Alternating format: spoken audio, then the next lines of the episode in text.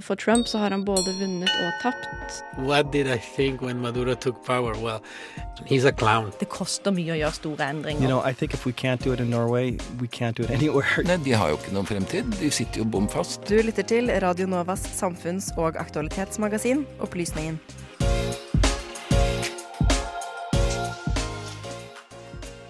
Det er Oslo Peace Days disse dager, og du skal få høre om Oslo som internasjonal fredsby. Alkohol drikkes det mye av, gjerne av studenter, og gjerne i juletider. Men er det farlig? I jula er det tradisjon for å henge opp misteltein, og man tvinger gjestene sine til å kysse under. Men hvorfor gjør vi egentlig dette? Og Watergate var en stor politisk skandale på 70-tallet. I denne ukens sending forklarer vi Watergate-skandalen som felte president Nixon. Og apropos Nixon skal vi også rette søkelyset mot den gamle Nixon-alliert, Roger Stone.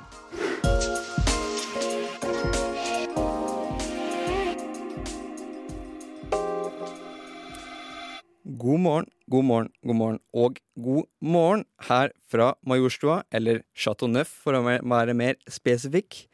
Det er en ja, håpefull, ganske fin desembermorgen her fra Radio Nova. Opplysningen 99,3 hører du på.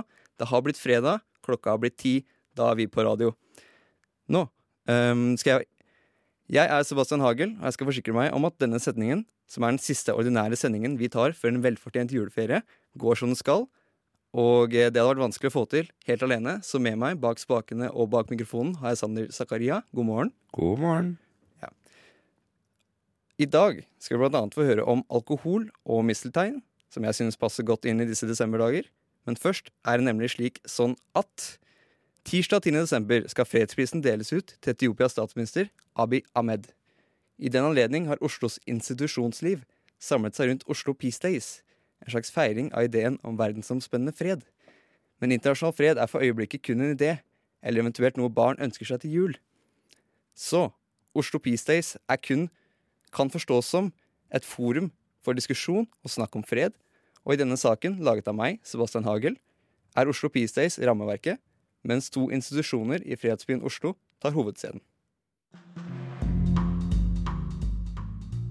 Denne uken startet Oslo Peace Days, arrangert av Oslo kommune, Universitetet i Oslo, PRIO og Nobelinstituttet. Det skjer ting over hele Sentral-Oslo i sammenheng med denne uka, som i stor grad kulminerer i nobelprisutdelingen den 10. desember. Og det er nok nettopp av den berømte fredsprisen at mange mener Norge har en særstilling for å fremme internasjonal fred. Oslo er som kjent der fredsprisen blir delt ut. Byen bærer preg av et ønske om å være en bastion i fredens navn. Nevneverdig er forskningsinstituttet RIO, eller da The Peace Research Institute Oslo, gitt at deres særdeles spesielle forskningsobjekt er nettopp fenomenet fred. PRIO har et internasjonalt fokus og publiserer regelrett artikler som Kinship and Dysphorias in Turkish Foreign Policy, Examples from Europe, the Middle East and the Eastern Mediterranean, og Citizenship, Participation and Belonging in Scandinavia, Results from a Survey among Young Adults of Diverse Origins in Norway, Sweden and Denmark, og har så mange som 75 forskningsansatte. Interessant for øvrig er det at PRIO har et annet forskningssenter plassert utenfor Oslo, i Nikosia på Kypros, hvor de jobber med konflikten på den gresk-tyrkiske øya, og hvor det jobber forskningsansatte fra begge de konfliktførende gruppene. Hvert år tar også internasjonale bookmakere og journalister notis om hva PRIO-lederen mener om årets potensielle fredsprisvinner, gitt at PRIO følger tilsynelatende godt med på det internasjonale arbeidet for fred. PRIO er altså et av Oslos kronjuveler hva angår fred. En annen, mindre allment kjent organisasjon er Kjell Magne Bondeviks The Oslo Center. I 2006 ble organisasjonen The Oslo Center oppstartet av den da nylig avtroppede statsminister Kjell Magne Bondevik og tidligere parlamentariske leder for KrF, Einar Stensnes. Oslo-senteret skal være en uavhengig, ikke-statlig organisasjon hvis handlingsområdet skal være fred, demokrati og menneskerettigheter. De har det de selv omtaler som en holistisk tilnærming til fred og demokrati, hvor de da ser på det som nødvendig å innføre nettopp fred og demokrati på alle samfunnsplan for at det skal ha en ordentlig effekt. De har programmer de utfører i verdens mindre fredelige land, og nevner selv Kenya og Somalia som eksempler, hvor de har fått skryt på en ekstern undersøkelse som viste at de de hadde samarbeidet med, hadde satt stor pris på deres fremgangsmåte, hvor de var nøye med å forsikre seg om at de lokale beslutningstakerne følte seg hørt og inkludert, og at deres tiltak var tilpasset lokalmiljøet det skulle innføres i. Bondevik er fremdeles leder for Oslo-senterets styre, og har der med seg tidligere utenriksminister Knut Vollebekk, tidligere stortingsrepresentant Julie Kristiansen og NUPI-forsker Sverre Lorgård, annet. Som vi har skjønt, er Norges fredsarbeid internasjonalt i karakter. En selvfølge, da vi ikke har hatt krig i Norge siden andre verdenskrig. Og krig er gjerne noe som er mellom nasjoner. Men fremdeles er det temmelig interessant at det norske sivilsamfunnet tilsynelatende tar en så aktiv rolle i internasjonale, skarpe konflikter. Og dette syns når man skjenger et blikk på Oslo Peace Days sine planlagte arrangementer. Torsdag 5. desember var det foredrag om Pakistan og India, titulert 'Hvorfor fred er eneste utvei'. Og fredag 6. lanserer Prio en rapport om hvor i verden det er best og verst å være kvinne. På mandag er det foredrag på Prio om Etiopias rolle i Øst-Afrika. Og det er ikke alt, og jeg anbefaler alle interesserte å sjekke det ut på oslopeacedays.no. Du lytter til Radio Novas samfunns- og aktualitetsmagasin Opplysningen. Opplysningen hver fredag mellom klokken 10 og 11 på Radio Nova.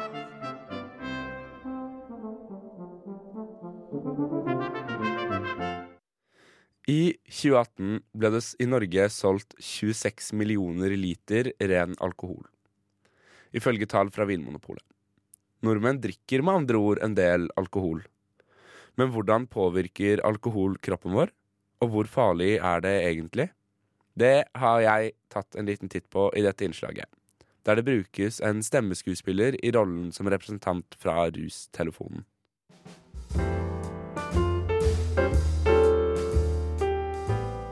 Det er fredag, og alle ukens gjøremål er gjort. Du har levert eksamen, vært på forelesninger, eller kanskje bare lest pensum hele uken. Men nå er det tross alt helg, og du og noen venner skal ut på byen og kose dere sammen. Kanskje begynner dere å vorse hos en kompis klokken åtte.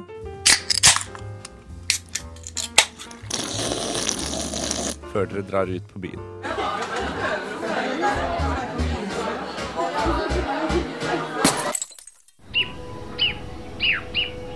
Dagen etter våkner du i sengen din med hodepine og kvalme ser at det ligger en halvkald kebab i hjørnet på rommet ditt. Du åpner kontooversikten og ser at det er mye mindre på konto i dag enn det det var i går. Du banner for deg sjæl og sier du aldri skal drikke igjen. Men allikevel, neste helg, så er det på'n igjen. Norske studenter drikker mye. Ifølge Studentenes helse- og trivselsundersøkelse, SHoT, oppga 90% av norske studenter at de drakk alkohol, og 14% oppga at de drakk to til tre ganger i uken. Samtidig er det også en økning i mengden som drikkes av studenter. SHoT-undersøkelsen forteller oss at hele 53% av de spurte drikker mellom fem og ni alkoholenheter i uken. Man kan trygt si at alkohol er en del av studenttilværelsen. Men hvilke effekter har dette alkoholforbruket på oss? De umiddelbare effektene av alkoholinntak er nok kjent for mange av oss. Hevet stemmeleie, redusert konsentrasjonsevne, hemmet korttidshukommelse, nedsatt læringsevne og en sløvet kritisk sans er bare noen av de umiddelbare effektene av alkoholinntak. Men drikker vi nordmenn virkelig så mye? Svaret på dette det er nei. Ifølge tall fra Verdens helseorganisasjon ligger Norge på 65.-plass internasjonalt i alkoholkonsum per innbygger. Og både nabolandene Danmark og Sverige drikker mer enn det vi nordmenn gjør. I Norge drikker hver person over fylte 15 ca. 7,5 liter ren alkohol i året. Men selv om mengden er lav, er andelen mennesker som drikker i Norge, ganske stor. Ifølge en undersøkelse utført i 2016 oppgir 94,3% av norske menn og 91,4% av norske kvinner at de er current drinkers. Men hvor skadelig er egentlig alkohol? Vi har alle hørt at alkohol påvirker leveren din. Men alkohol har flere konsekvenser for kroppen enn kun det. Langvarig eller omfattende bruk av alkohol kan føre til hjerneskader eller problemer med hjernens utvikling. Hjerte- og lungeproblemer, økt risiko for utvikling av psykiske lidelser og kreft er også konsekvenser av ekstensiv eller langvarig inntak av alkohol. Alkohol er også svært avhengighetsskapende. I en oversikt presentert av American Addiction Center, en samling av amerikanske leger og forskere, blir alkohol presentert som det andre mest avhengighetsskapende stoffet, kun slått heroin. På denne oversikten når nikotin kun opp til en femteplass. Altså er alkohol mer avhengighetsdannende enn nikotin, mener amerikanerne. Men er det noe positivt med alkohol? Vi kontaktet Rustelefonen for å spørre dem om akkurat dette. En av deres veiledere kunne fortelle oss at det ikke er kjent ved positive effekter av alkohol, spesielt for folk under fylte 60. De kunne derimot henvise oss til en britisk studie som viste at et moderat inntak av alkohol kunne knyttes til en lavere risiko for hjerte- og karproblemer. Samtidig kan også ett glass rødvin eller andre former for alkohol føre til en beroligende følelse. Denne blir derimot brutt idet du drikker mer enn ett glass. Veilederen kunne også fortelle at utenom dette var det i utgangspunktet kun snakk om visse sosiale fordeler.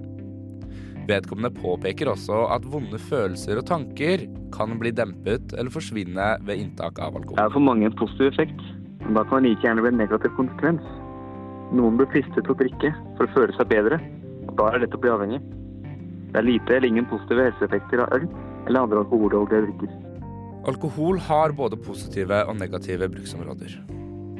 Og ved moderat bruk er det svært få alvorlige helsefarer, men man skal likevel ta alkohol på alvor. I 2016 var det f.eks. tre millioner mennesker som døde av alkoholrelaterte dødsfall over hele verden. Så før du går ut på byen med kompisen din i kveld, kanskje du skal tenke på om du virkelig trenger den siste ølen, og husk å ta vare på hverandre. Du hører på Radio Novas samfunns- og aktualitetsmagasin Opplysningen. Opplysningen hver fredag mellom klokken 10 og 11 på Radio Nova.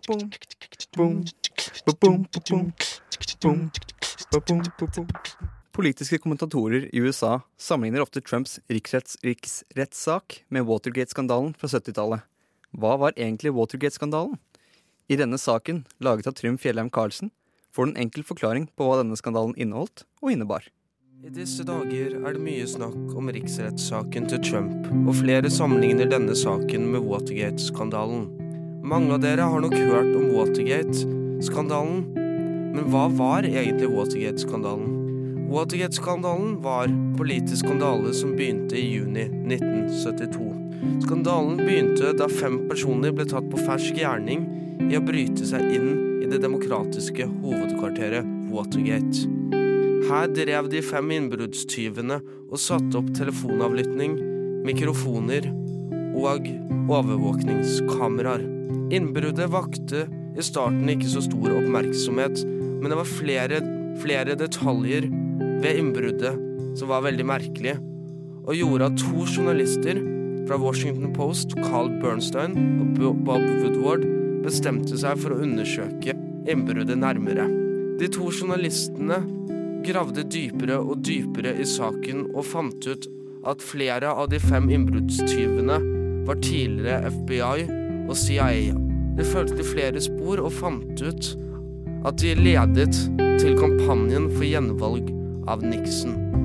De fant også ut at den ene innbruddstyven, James McCord, jobbet for kampanjen for gjenvalg, gjenvalg av Nixon som sikkerhetssjef. I 1973 begynte det med en rettssak mot de fem innbruddstyvene.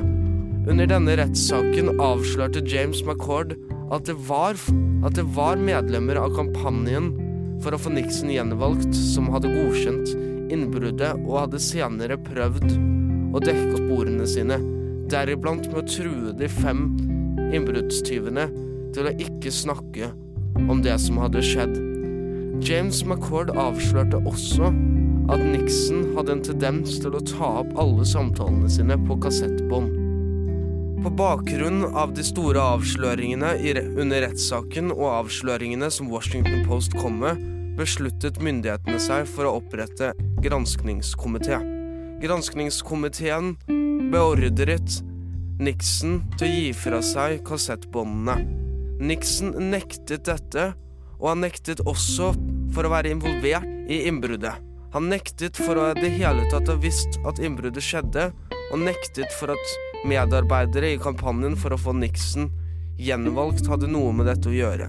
Men i 1974 så måtte Nixon gi fra seg kassettbåndene, og kassettbåndene viste at Nixon hadde visst om innbruddet, og at han hadde vært aktiv deltaker i å prøve å skjule sporene. Kassettene beviser ikke at Nixon hadde beordret innbruddet, men bare at han var delaktig i å skjule sporene. Noe av grunnene til at vi ikke vet, vet mer om Nixons rolle, var at store deler av kassettbåndene hadde blitt slettet på mystisk vis. På bakgrunn av innholdet i kassettbåndene og alt granskingskomiteen og Washington Post-etterforskningen hadde avslørt, ble det beordret å starte en riksrettprosess. Nixon ønsket ikke å bli involvert i en slik riksrettprosess, og i 1974 valgte han frivillig å avtre som president.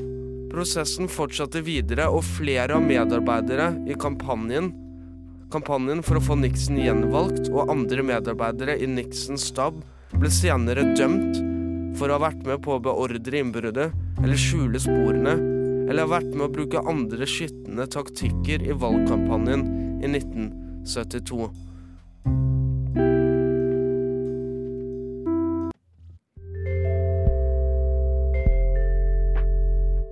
teknologi og digitalisering gjør at det vi ikke fikk til for noen år siden, det er mulig nå. At det å stadig vekk skulle balansere mellom frihet og ufrihet Det er ikke noe særlig lurt å stole på viljestyrken, f.eks. Kirkas demokratisystem. Opplysningen hver fredag fra klokken 10 til 11.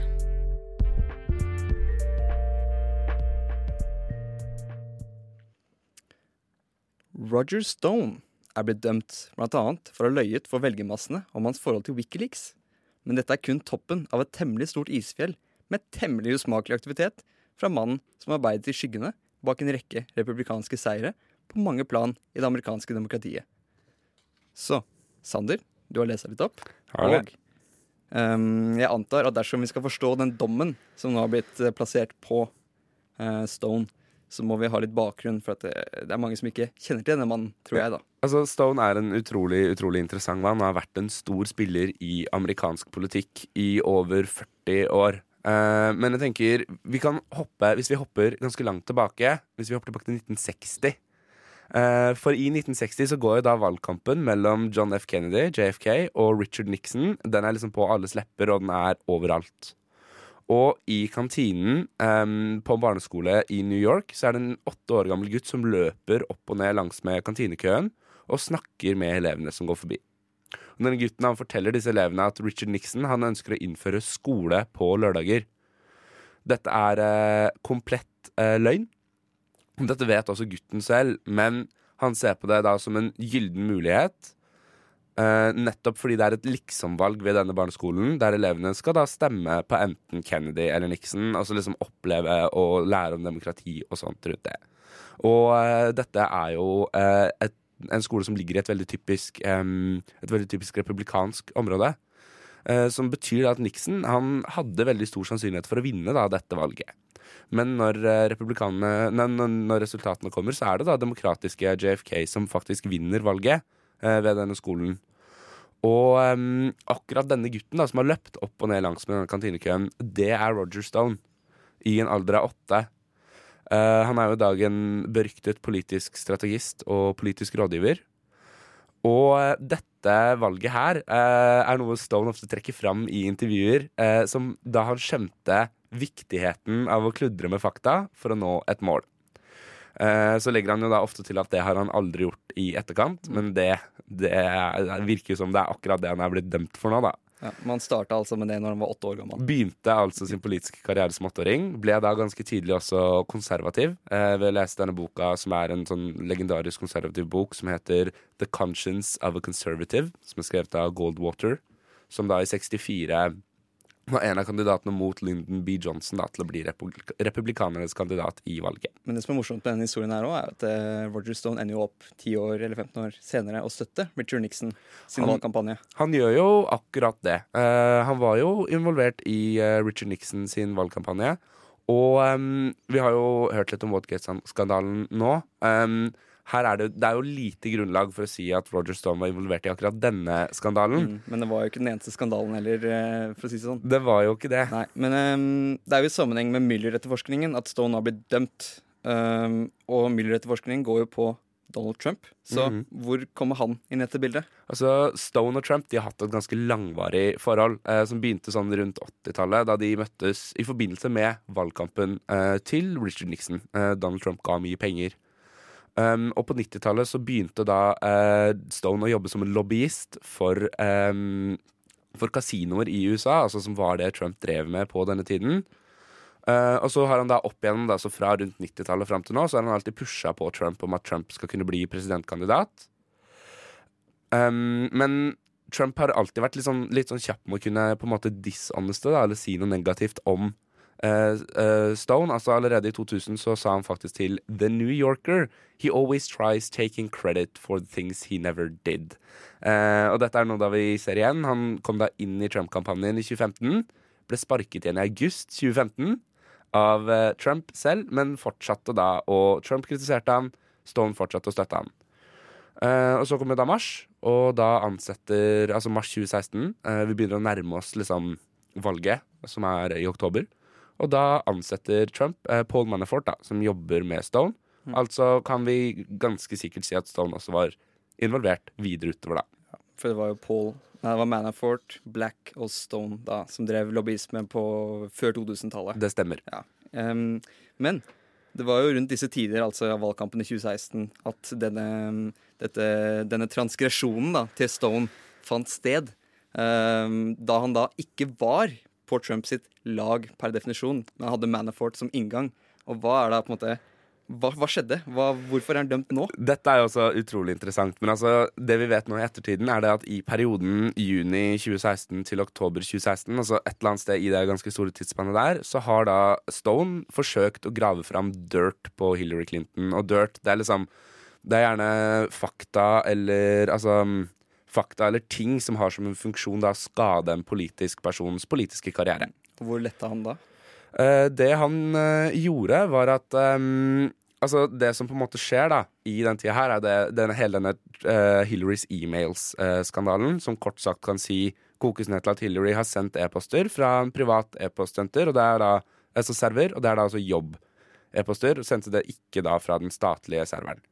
Uh, dette blir jo da lekka av Wikileaks, um, og da er det mange som tydelig begynner å påpeke at uh, Stone begynte å tweete litt før dette skjedde, så begynte han å tweete om at uh, ja, nå publiserer sikkert Wikileaks noe på Hillary Clinton snart.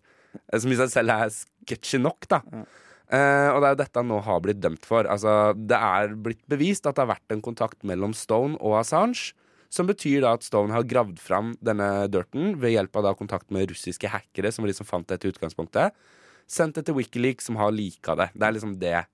Det er det som på en måte har skjedd nå, da. Og så veldig kjapt, da, hva kan vi forvente av strafferamme på en sånn kriminalitet? Det er jo valgfusk. Det er valgfusk. Eh, strafferammen er satt til 50 år. Eh, men Stone har aldri blitt dømt før, og da pleier de gjerne å kutte av litt. Så det er litt vanskelig å si noe om det. Det får vi vite i februar. Eh, noe som er utrolig interessant, som jeg bare må skyte inn helt på slutten her, er det at Stone han fikk munnkurv av dommeren etter rettssaken. Altså han fikk ikke lov til å snakke om saken, ikke lov til å snakke om dommen. Og nå får han da heller ikke lov til å gjøre det på sosiale medier. Så Stone er nå da den neste i rekken av eh, Trumps medarbeidere som nå har falt. Så får vi se hva som skjer med Trump. Om han er den siste som faller. Om Trump blir den siste som faller.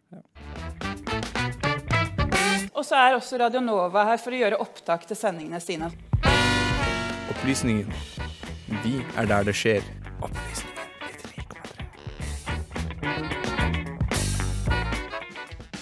De fleste de forbinder mistelteinen med jula. Kanskje frykter man den, eller elsker den. Historien om hvordan den blei en tradisjon, sånn vi kjenner den i dag, biologien og mytologien, det er i hvert fall noe like.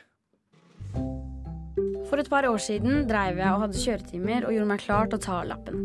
Jeg husker spesielt én kjøretime hvor kjørelæreren min ba meg om å stoppe og skru av bilen, fordi han skulle ut og vise meg noe.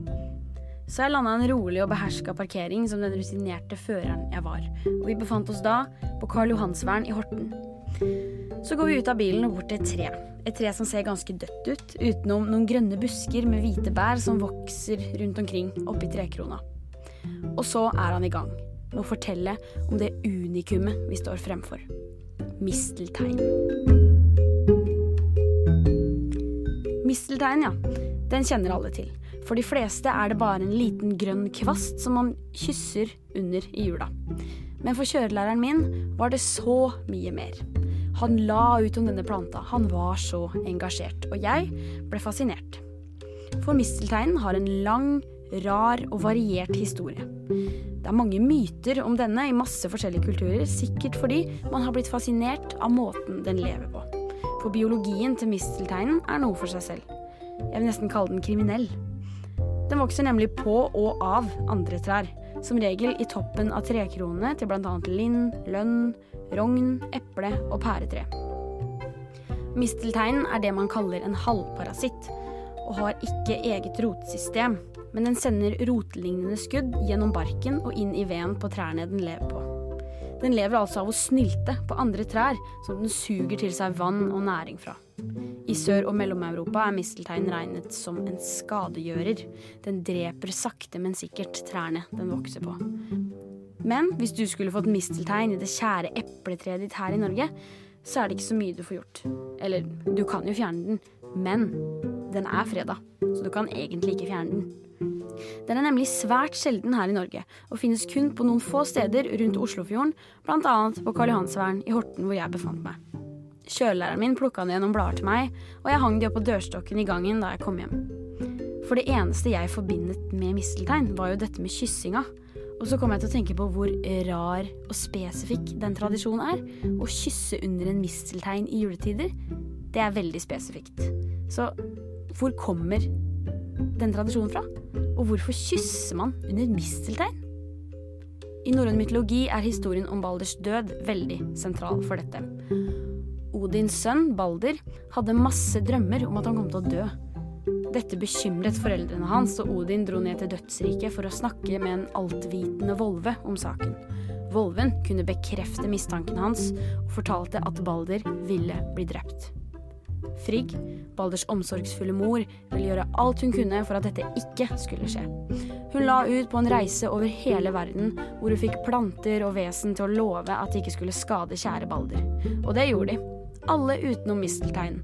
Frigg syns at nusselige lille mistelteinen var så uskyldig, så den trang ikke å love noen ting.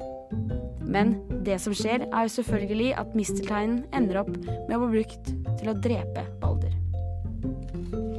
Frigg blir så lei seg at hun gråter tårer som kan minne om de hvite, perlelignende bærene på mistelteinen. De andre gudene syns da synd på og gjenoppliver Balder. Frigg blir kjempeglad og gjør om mistelteinen til et symbol for fred og kjærlighet i stedet for død. Hun innførte at alle som skulle komme til å befinne seg under en misteltein, var nødt til å omfavne hverandre med kjærlighet for å spre mer glede og kjærlighet. Tradisjonen spredte seg ut av Norden, videre til resten av Europa og så Amerika. Britene gjorde etter hvert til en juletradisjon, sånn som vi kjenner den i dag. Hvis du skulle komme over noen grønne busker oppi et løvtre, så er det da stor sannsynlighet for at det er misteltein. Og da kan du brife med dine mistelteinkunnskaper akkurat som kjørelæreren min. Men husk at de er freda, og ikke plukk noen, sånn som han gjorde. Denne saken var da laget av Nora Amanda Ness Holm.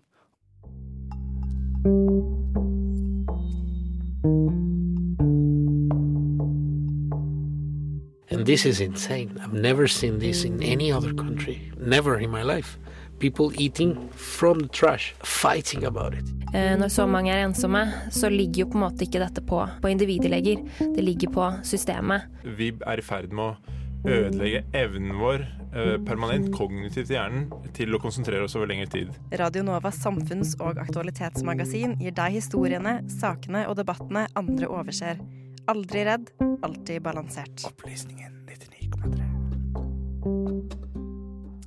Ja, Sander, da er vi ved veis ende. Både for i dag og for i år. Og for dette tiåret. Og for dette tiåret for øvrig. For i dag tar nemlig opplysningen juleferie fram til 17. januar. Men frykt ikke, for før den tid har vi forberedt fire saker. Litt sånn hjemmelekse. Litt hjemmelekse. Følg med på dette mens eh, jula går i gang. Ja, Så Sander, hvor begynner vi? Altså, Vi begynner jo i uh, Storbritannia, for der er det valg nå neste torsdag. Um, og der er det veldig mye som kan skje. Altså, Kommer vi til å se uh, Boris Johnson mane opp det konservative partiet rundt seg og greie å stille sterkt? Kommer vi til å se et opprør i, mot hans ablegøyer og se et veldig sterkt Labour? Eller kommer vi til å på en måte fortsette status quo nesten og få enda en utsettelse av brexit?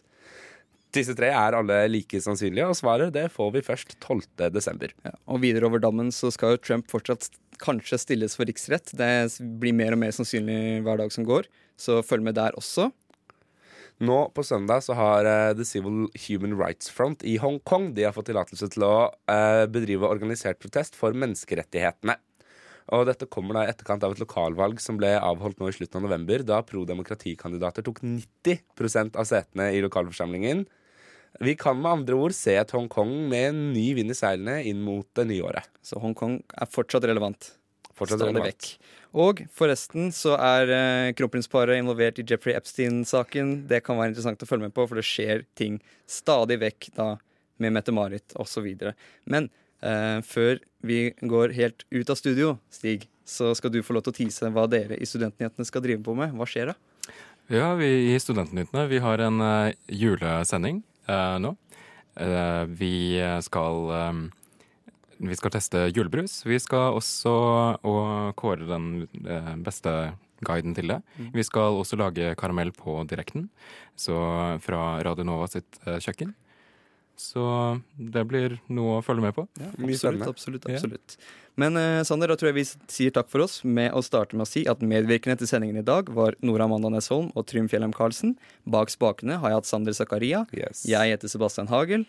Og Sander, vi sier vel god helg? Vi sier god helg. Og god jul. Og, og god jul. Og følg med litt grann på uh, Opplysningens sosiale medier. For Ja, det kan være at det dukker opp noe spennende etter hvert. Så da sier jeg også god helg og god jul.